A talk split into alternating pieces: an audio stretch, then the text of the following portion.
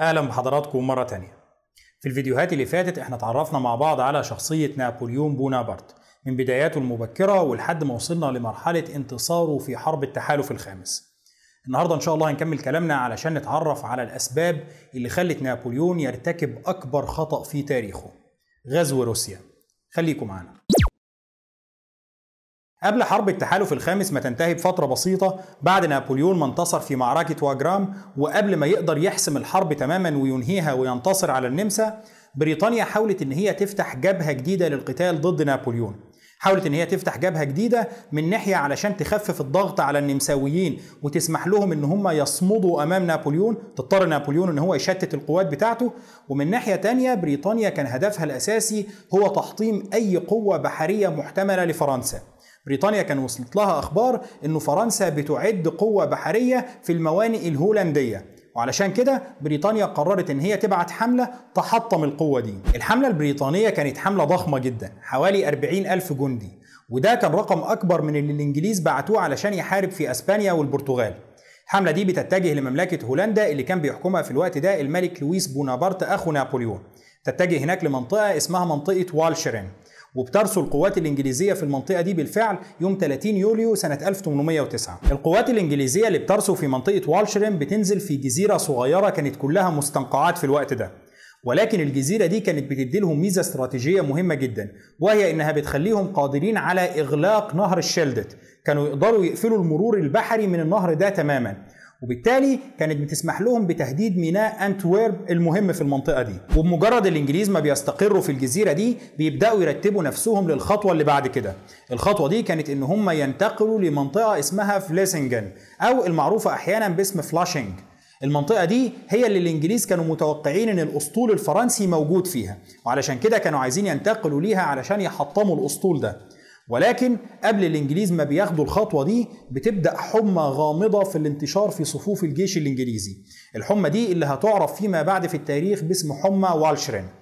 الحمى دي في خلاف عليها هل دي كانت ملاريا ولا كانت تايفوس؟ لكن المهم إنه بالنسبة للإنجليز الحمى دي حطمت الجيش بتاعهم. في أقل من شهر الإنجليز كان عندهم 8000 مصاب بالحمى الغامضة دي من أصل 40000 جندي. ولكن بالرغم من انتشار الحمى دي في صفوف الجيش الإنجليزي إلا إن وجود الإنجليز في المنطقة دي كان عامل رعب للقوات الفرنسية وللقوات الهولندية. السبب في ده هو إنه القوات اللي كانت موجودة في المنطقة دي علشان تدافع عن هولندا ما كانتش الصف الأول من الجنود الفرنسيين. ما كانتش الجنود الفرنسيين المدربين جيدا واللي يقدروا يتصدوا للجيش الإنجليزي ويهزموه. الجنود دول الجنود اللي هم كانوا مدربين تدريب جيد كانوا مع نابليون في ميدان القتال في النمسا. إنما اللي كانوا موجودين في هولندا علشان يدافعوا عنها كانوا جنود درجة تانية. أغلبهم ما كانوش جنود فرنسيين كانوا جنود تم تجنيدهم من الدول الخاضعة للنفوذ الفرنسي دول زي بولندا أو إيطاليا أو الدويلات الألمانية وكانت خبراتهم القتالية محدودة جدا وتدريبهم ضعيف. وبالتالي وجود الإنجليز بالنسبة لهم كان يمثل خطر حقيقي وكان الإنجليز قادرين على الانتصار. النقطة دي تحديدا اللي هي استعانة نابليون بجنود غير مدربين جيدا من الدويلات الخاضعة للنفوذ الفرنسي هتتحول فيما بعد لنقطة ضعف خطيرة جدا في كل خطط نابليون القتالية. نابليون مع اتساع رقعة نفوذه في أوروبا ومع انتصاراته المتتالية كان مضطر أن هو يجند جنود جدد من الدويلات الخاضعة للنفوذ الفرنسي. خلاص ما بقاش في جنود فرنسيين عددهم كافي علشان يسيطروا على المساحات الشاسعة الخاضعة لنفوذه. وعلشان كده كان لازم يضطر إن هو يجند جنود من الدويلات الخاضعة للنفوذ الفرنسي. ولكن المشكلة هنا كانت إن الجنود دول ما بيتمش تدريبهم زي الجنود الفرنسيين، ما بيخوضوش تدريب شاق ومستمر لفترات طويلة، وما بيدخلوش معارك كتير، ما عندهمش الخبرات القتالية الضخمة اللي كانت موجودة عند الجنود الفرنسيين اللي رافقوا نابليون بونابرت في رحلته لبسط سيطرته على أوروبا، وعلشان كده الجنود دول كانوا دايما نقطة ضعف في أي خطة قتالية لنابليون بعد توسعاته الضخمة دي. عموما في أثناء الإنجليز ما كانوا بيحضروا نفسهم للخطوة التالية اللي هي الهجوم على منطقة فليسنجن بيوصل لميدان القتال الجنرال الفرنسي برنادوت. برنادوت اللي إحنا اتكلمنا عنه قبل كده وقلنا إن هو هيبقى فيما بعد ولي عهد السويد. لكن في الوقت ده لسه سنة 1809 برنادوت كان لا يزال جنرال في الجيش الفرنسي. برنادوت كان مع نابليون في حرب التحالف الخامس وخاض معاه المعارك كلها لحد ما وصلوا لمعركة واجرام. في معركة واجرام زي ما قلنا قبل كده في اليوم الأول للقتال. القتال كان محتدم ما بين الفرنسيين وما بين النمساويين والفرنسيين ما كانوش قادرين يتقدموا. وهنا نابليون بدأ يدور في جيشه على أخطاء ويشوف مين اللي مقصر وليه ما بيشوفش شغله وإزاي في تقصير أو تراخي في الجيش الفرنسي. من ضمن القادة اللي نابليون بيلومهم على حالة التراخي دي بيكون هو برنادوت.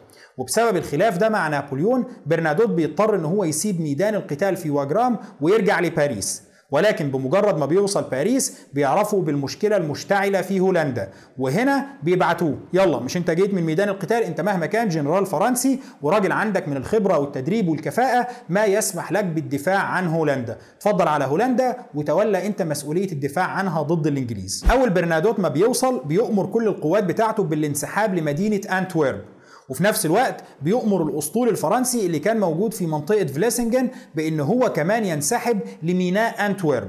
وهناك بيتحصن بالقوات بتاعته وبيحصن المدينة بشكل كافي للدفاع عنها أمام الإنجليز.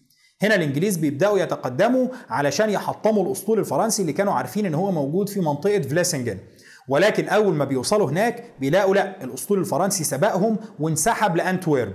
أنتويرب في الوقت ده كانت اتحولت بفضل مجهودات برنادوت لقلعة حصينة. وبالتالي الإنجليز ما بقوش قادرين يتقدموا ويسيطروا على أنتويرب أو يحطموا الأسطول الفرنسي اللي كان متحصن فيها. هنا الإنجليز بيلاقوا إن الوضع ما بقاش لطيف. قدرتهم على تحطيم الأسطول الفرنسي بقى مشكوك فيها. الفرنسيين بقوا متحصنين بشكل كويس جدا. وبتوصلهم كمان أخبار بإنه الحرب مع النمسا تم حسمها. خلاص إحنا كنا جايين علشان نخفف الضغط على النمساويين خلاص النمساويين انهزموا وبالتالي إحنا هنلاقي الجيش الفرنسي كله جاي يهاجمنا بعد كده.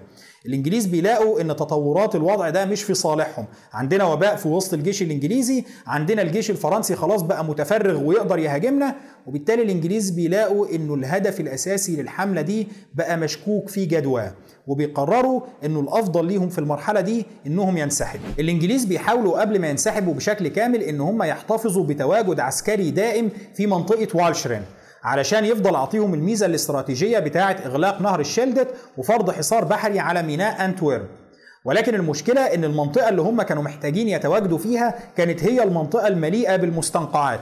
وعلشان كده كانت هي مصدر المرض المستشري في الجيش الإنجليزي. مع انتشار الحمى في أوساط الجيش الإنجليزي المقيم في المنطقة دي بيضطر الإنجليز إن هم يرحلوا عنها نهائيا بحلول شهر ديسمبر سنة 1809 الإنجليز بيرحلوا عن هولندا ولكن نابليون بيستشيط غضبا. نابليون كان هينفجر من الغيظ وبيقرر إن هو يوجه الغضب ده كله تجاه أخوه لويس. أخوه لويس بونابرت اللي هو كان ملك على هولندا. بيقول له لا أنا مش ممسكك ملك على هولندا علشان الإنجليز يجوا يحتلوها وأنت واقف عاجز وغير قادر على الدفاع عنها. لو أنت هتقف بالعجز ده في كل مرة بلدك هتتعرض لهجوم يبقى أشيلك وأمسك مكانك واحد من قادة الجيش الفرنسي. أنا مش ممسكك البلد دي علشان تقول أيوه أنا ملك والناس بيخدموني ومش عارف إيه. أنا ممسكك البلد دي علشان تكون أنت واجهة الدفاع عن فرنسا من الاتجاه ده. لو مش هتقدر تقوم بالدور ده أجيب حد غيرك يقوم بيه. طبعا هنا نابليون كان بيتجاهل حقيقة إن هو حاطط جنود ضعاف للدفاع عن هولندا. وكان بيتجاهل حقيقة إن كل الجنود الفرنسيين الأقوياء كانوا معاه هو. الجنود اللي حاططهم هنا دول درجة تانية. يعني هيدافع عنها إزاي بالجنود دول؟ ولكن في نفس الوقت نابليون كان بيقارن هولندا بمملكة زي نابولي. نابولي اللي كان بيحكمها يواكيم مورا. يواكيم مورا مش بس كان جوز أخت نابليون ولكنه كمان كان قائد عسكري متميز. الراجل كان قادر يسيطر على الأمور في نابولي بشكل ممتاز ومجند من أهل نابولي جيش قوي. الجيش ده مش بس علشان يدافع عن نابولي لكن كمان يواكيم مورا كان واخد الجيش ده بيحارب بيه مع نابليون في قلب أوروبا. يعني الجنود بتوع نابولي كانوا بيحاربوا مع نابليون في النمسا غير إن هم بيدافعوا عن نابولي. نابليون كان عايز هولندا تبقى زي نابولي. زي ما يواكيم مورا قادر يسيطر على البلد بتاعته ويدافع عنها وبيساعدني بجيوشه في ميادين القتال أنا متوقع ده كمان من أخويا. لويس بونابرت لازم يحمل عبء الدفاع عن فرنسا زي كل الممالك الخاضعة للنفوذ الفرنسي نابليون كان عايز أخوه يجند الهولنديين ويكون منهم جيش علشان يساعد فرنسا في حروبها. ولكن لويس بونابرت ما كانش مستعد للقبول بده. لويس بونابرت كان شايف إنه أنا ملك على هولندا. وبالتالي التصرفات بتاعتي كلها لازم تصب في مصلحة هولندا فقط. أنا ملك على هولندا مش ملك على فرنسا. وكل تصرفاتي لازم يكون لها هدف وحيد. هو إيه اللي في مصلحة هولندا؟ مش إيه اللي في مصلحة فرنسا ولا حتى إيه اللي في مصلحة هولندا وفرنسا مع بعض. بينما نابليون ما كانش مستعد لقبول ده. نابليون كان شايف إن أخوه تابع له وإن هولندا تابعة لفرنسا. ولازم تصرفاتهم تكون من هذا الأساس. نابليون عموما كان محبط من أداء أخوه لويس بونابرت كملك على هولندا وكان شايف إن هو ملك ضعيف وغير كفء. بينما على الجانب الآخر لويس بونابرت كان شايف إنه أنا مدام رايح أحكم بلد غريب علشان حكم هناك يكون حكم مستقر لازم أحاول اسس لنفسي شعبية كويسة في أوساط الهولنديين. لويس بونابرت بيحاول بالفعل إن هو يأسس الشعبية دي وبينجح في ده لدرجة إن الهولنديين بيطلقوا عليه لويس الطيب أو لويس الصالح. ولكن كون ان الهولنديين بقوا شايفينه لويس الطيب ده كان مصدر إزعاج أكبر لنابليون. مش إزعاج علشان شعبية أخوه بتزيد لأ إزعاج لأن نابليون كان شايف إنه الملك اللي يتقال عليه ملك طيب ده ما يبقاش ملك ده يبقى ملك ضعيف. كان في سبب إضافي للخلاف ما بين نابليون وأخوه لويس وهو إن فرنسا كانت مدينة لهولندا بأموال كتيرة. هنا نابليون كان عايز إنه باعتبار إن إحنا حبايب ومفيش بينا الكلام ده خلاص بقى يعني سيبكم من الديون دي أو نخفض قيمتها بشكل كبير. ولكن أخوه كان مصر إنه لأ لويس بونابرت كان شايف إن هو بصفته ملك على هولندا لازم يدافع عن المصالح الهولندية ومصالح الشعب الهولندي لأقصى درجة. وعلشان كده قال له مفيش حاجة اسمها الكلام ده الفلوس اللي عليكم لازم تسددوها. هنا نابليون بيستغل فشل أخوه في الدفاع عن بلده أمام بريطانيا وبيطلب منه التنازل عن العرش. انت ما عدتش تنفع ملك. لازم تتنازل عن عرش هولندا علشان يجي يحكمها من هو أصلح منك. طبعا لويس بونابرت في البداية بيرفض الموضوع. لا طبعا أنا مش هتنازل. ده عرشي ودي بلدي ومملكتي وأنا اللي هحكمها.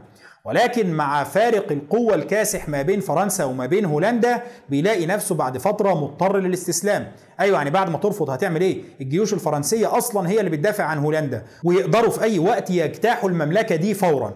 وعلشان كده بعد فترة بيضطر لويس إن هو يقبل بالأمر الواقع وبيقرر إنه خلاص أنا هتنازل عن العرش لصالح ابني.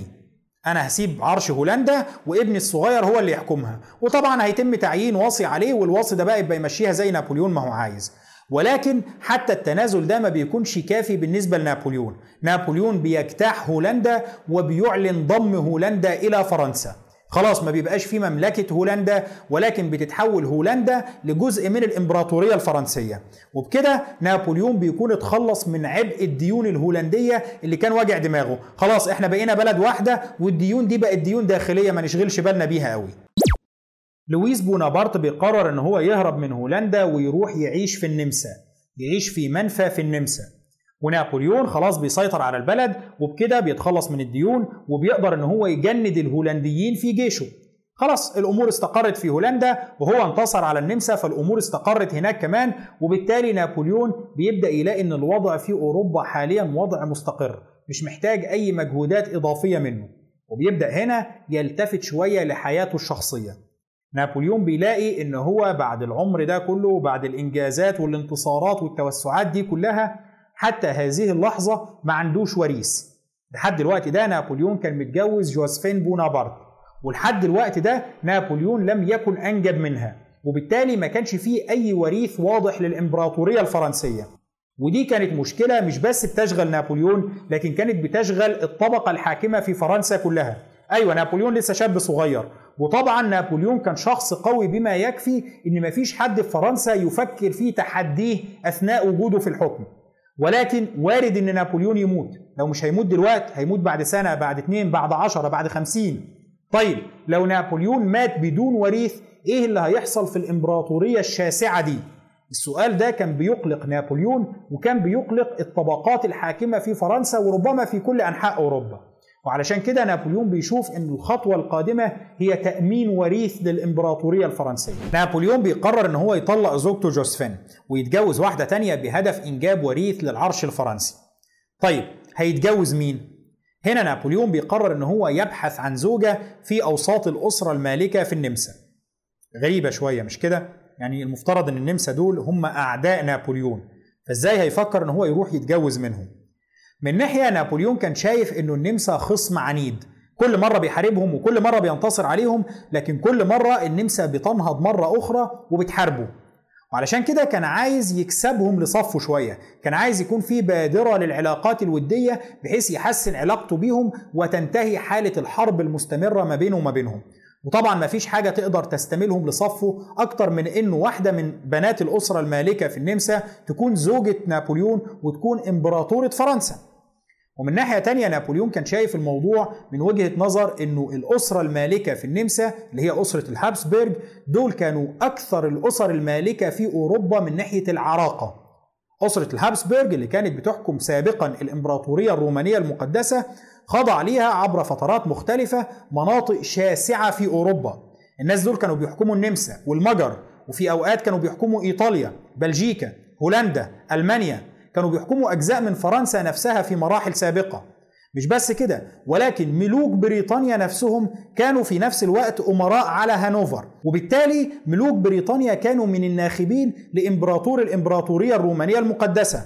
ده معناه إن ملك بريطانيا كان بشكل أو بآخر يعتبر أحد التابعين لإمبراطور الإمبراطورية الرومانية المقدسة باعتبار إن هو واحد من الناخبين اللي بينتخبوه. يعني هو تابع له.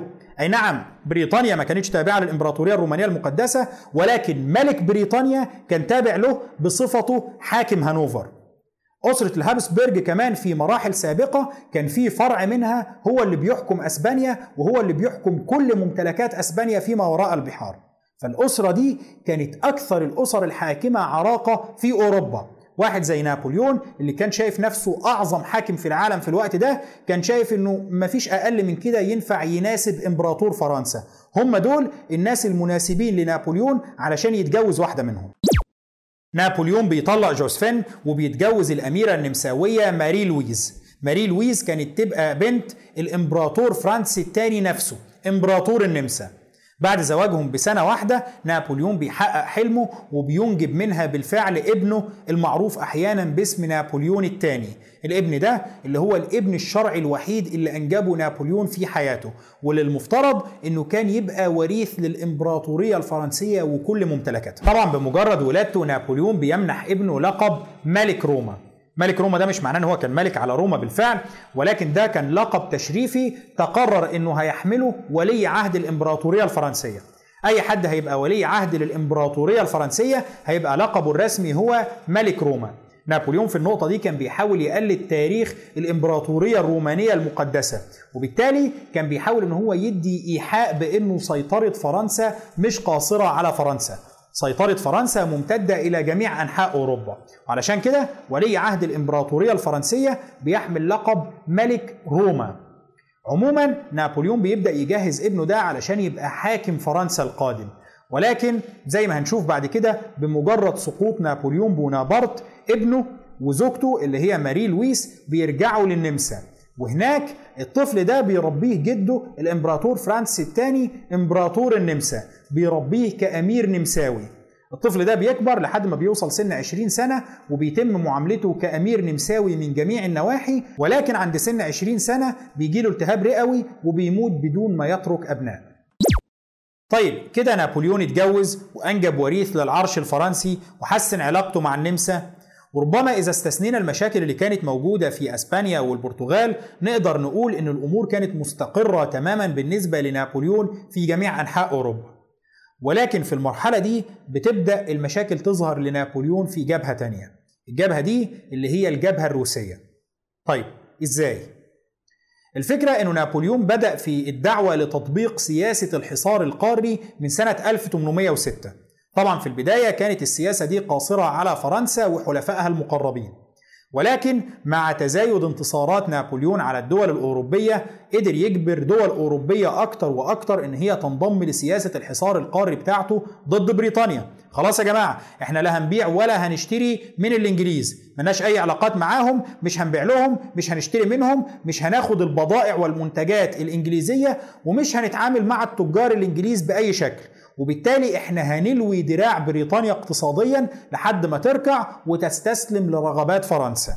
وطبعا مع انتصارات نابليون وانضمام دول أكتر كان بيقدر يضغط على بريطانيا أكتر وأكتر. سياسة الحصار القاري بالفعل كانت سياسة مقاطعة اقتصادية ناجحة وموجعة بالنسبة لبريطانيا. الاقتصاد البريطاني فعلا تأذى كثيرا بسبب سياسة الحصار القاري اللي كان نابليون بيطبقها ضدهم. ولكن هنا لازم نفهم نقطة مهمة جدا.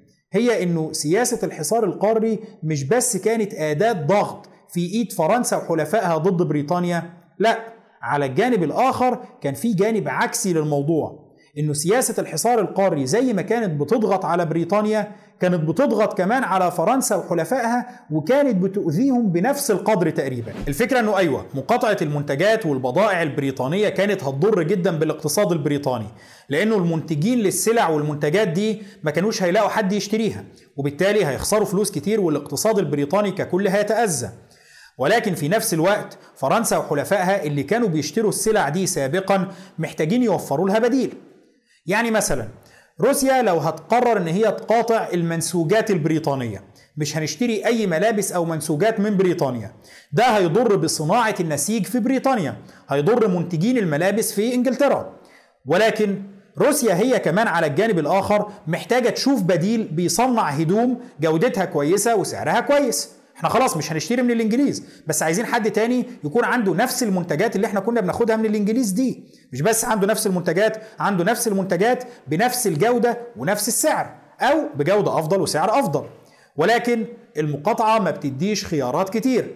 هنا الروس بيلاقوا نفسهم مضطرين إما إنهم يشتروا منتجات جودتها أقل أو منتجات سعرها أغلى. وفي الحالتين ده شيء ضار جدا بالمستهلك الموجود في روسيا. أنا راجل عايز البس هدوم جودتها كويسه وسعرها كويس. بس خلاص ما دام أنا قررت اقاطع بريطانيا ده مش موجود. يا اما المواطنين الروس هيلبسوا هدوم جودتها سيئه يا اما هيلبسوا هدوم سعرها غالي. طبعا المثال ده بينطبق على صناعة المنسوجات ولكن كان في منتجات تانية كمان ملهاش بديل. ده كان بيحصل كتير لأنه بريطانيا كانت مسيطرة على أغلب طرق التجارة في العالم. وبالتالي المنتج اللي بريطانيا كانت بتجيبه مما وراء البحار خلاص مفيش حد تاني هيجيبه. بريطانيا عاملة حصار بحري والمنتجات دي أنتوا مش هتشوفوها تاني ولا غالية ولا رخيصة. طبعا هنا النظرية بتاعت طيب ما ينتجوا هم السلع البديلة دي كانت نظرية مش واقعية قوي لأنه إنتاج منظومة صناعية كاملة علشان تقدر تغطي العجز الكبير ده في جميع المجالات كان شيء محتاج وقت طويل جدا ومجهود كبير وخبرات قد لا تكون متوفرة بالنسبة لكل الدول دي. وعلشان كده سلاح المقاطعة الاقتصادية كان سلاح ذو حدين. أيوه بريطانيا بتتأذى ولكن على الجانب الآخر المستهلكين في فرنسا وفي حلفاء فرنسا كانوا هم كمان بيتأذوا جدا. السلاح ده كان الطرفين متضررين منه. وكانت النقطة المهمة هنا مين اللي هيركع الأول؟ مين اللي هيقرر إن هو يستسلم وهيشوف إن ضرر المقاطعة بالنسبة له أكبر بكتير من المنافع بتاعتها؟ طبعا بريطانيا حاولت إن هي تقلل الخسائر بتاعتها دي عن طريق خلق أسواق جديدة للمنتجات بتاعتها. ونجحت في ده إلى حد كبير. زودت التجارة بتاعتها مع أمريكا الشمالية ومع المستعمرات اللي كانت موجودة هناك علشان تستوعب الفوايض في الإنتاج وتستوعب السلع البريطانية اللي كان بيتم تسويقها سابقا داخل أوروبا. أي نعم نجحت في ده جزئيا. يعني مش كل المنتجات البريطانية دي لقت مشترين في باقي أنحاء العالم ولكن النجاح الجزئي ده خلى بريطانيا قادرة على التحمل. ساهم في تخفيف تداعيات الحصار ده على بريطانيا وبالتالي خلى بريطانيا أكثر قدرة على الصمود.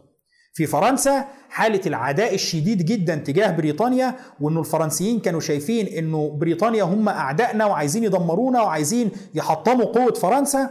خلى الفرنسيين قادرين على الاستمرار في المقاطعة. مش مشكلة. إحنا لو هنقاطع سنة واثنين وعشرة مش مشكلة. المهم إن إحنا نركع بريطانيا. وعلشان كده برضو الموضوع ما كانش مسبب أزمة كبيرة في فرنسا خصوصا مع القبضة الحديدية لنابليون على فرنسا.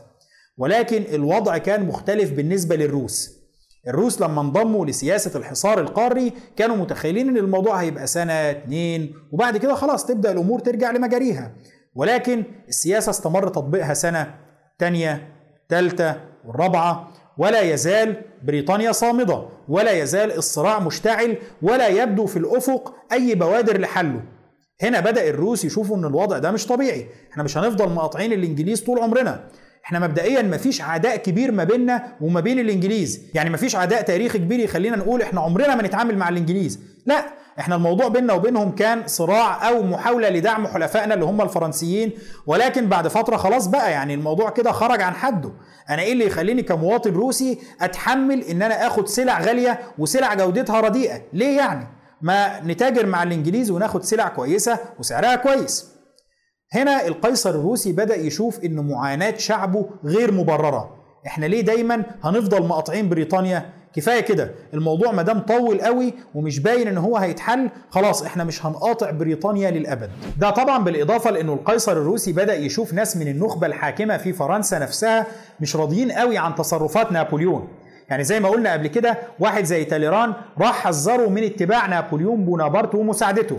تاليران اللي كان وزير خارجية سابق لفرنسا واللي ترك منصبه بسبب خلاف ما بينه وما بين نابليون على سياسات نابليون.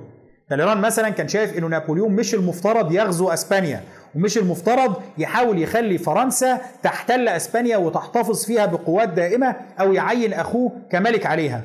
طبعا نابليون ما استمعش لتحذيرات تاليران وقرر إنه هو يمضي في الطريق إلى نهايته.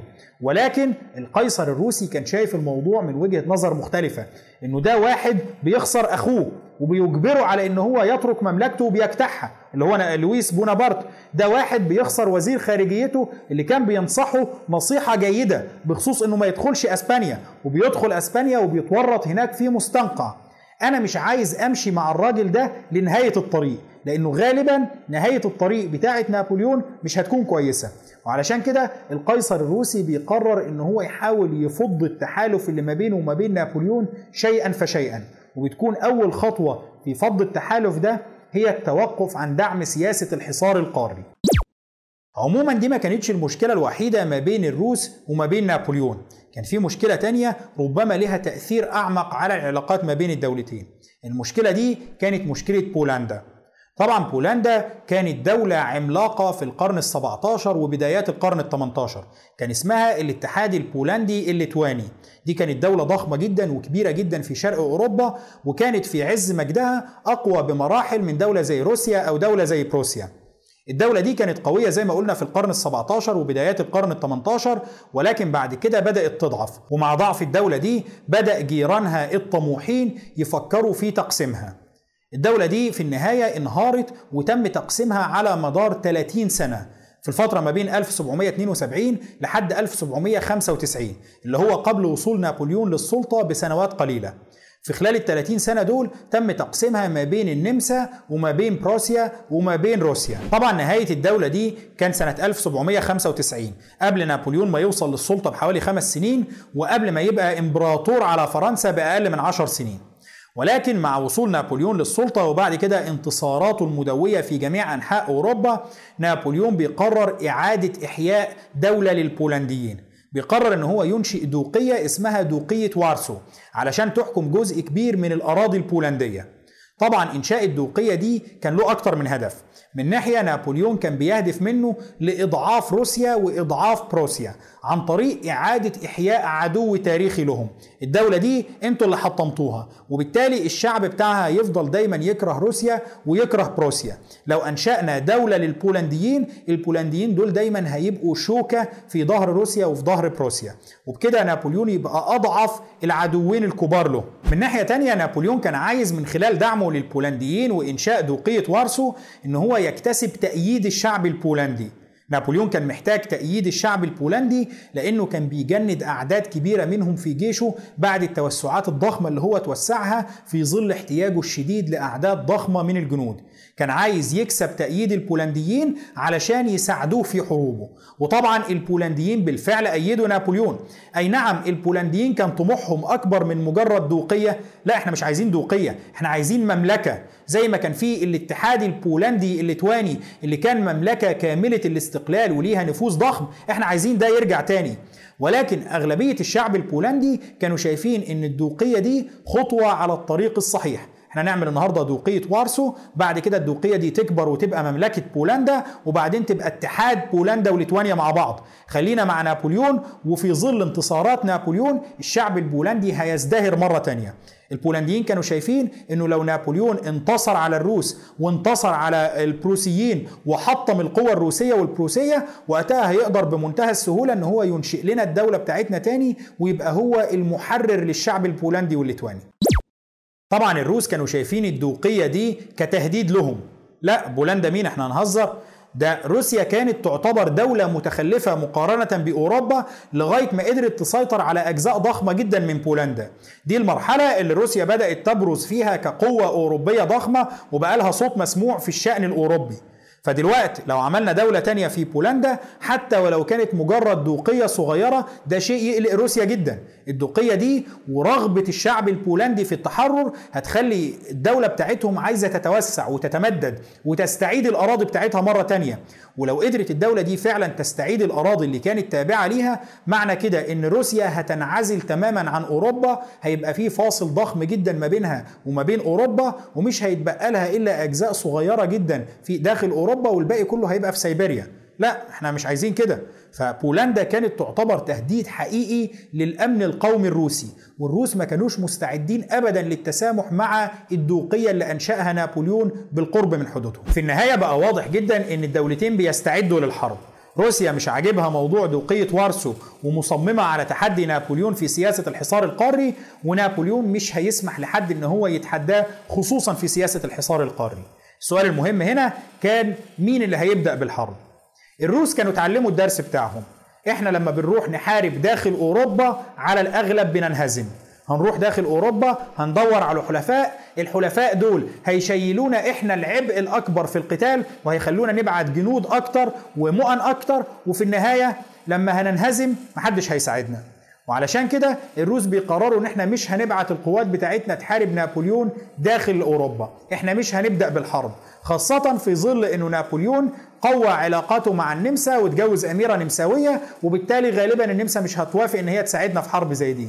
فاحنا مش هنحارب داخل أوروبا إحنا هنحافظ على الجيش الروسي داخل الحدود الروسية هنحصن نفسنا هنا ونستعد للحرب داخل حدودنا وهنستمر في التجارة مع بريطانيا واللي مش عاجبه اللي إحنا بنعمله يجي لحد عندنا ويورينا هو يقدر يعمل إيه. ولكن نابليون اللي كان مر عليه تقريبا سنتين من بعد انتصاره على النمسا في حرب التحالف الخامس كان قاعد فاضي.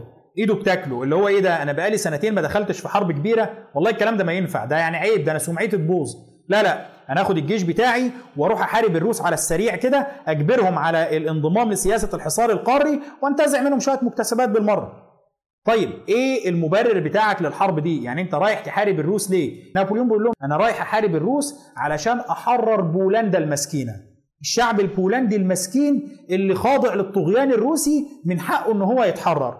فيلا يا جماعة جهزوا لنا الجيش الفرنسي العظيم وجهزوا معاه كل الجنود البولنديين اللي تقدروا تجهزوهم. يلا إحنا رايحين دلوقتي نحرر بولندا.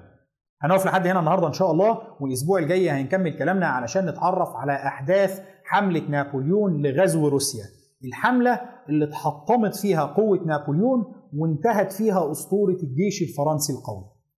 شكرا لحضراتكم وإن شاء الله نكمل كلامنا الأسبوع الجاي.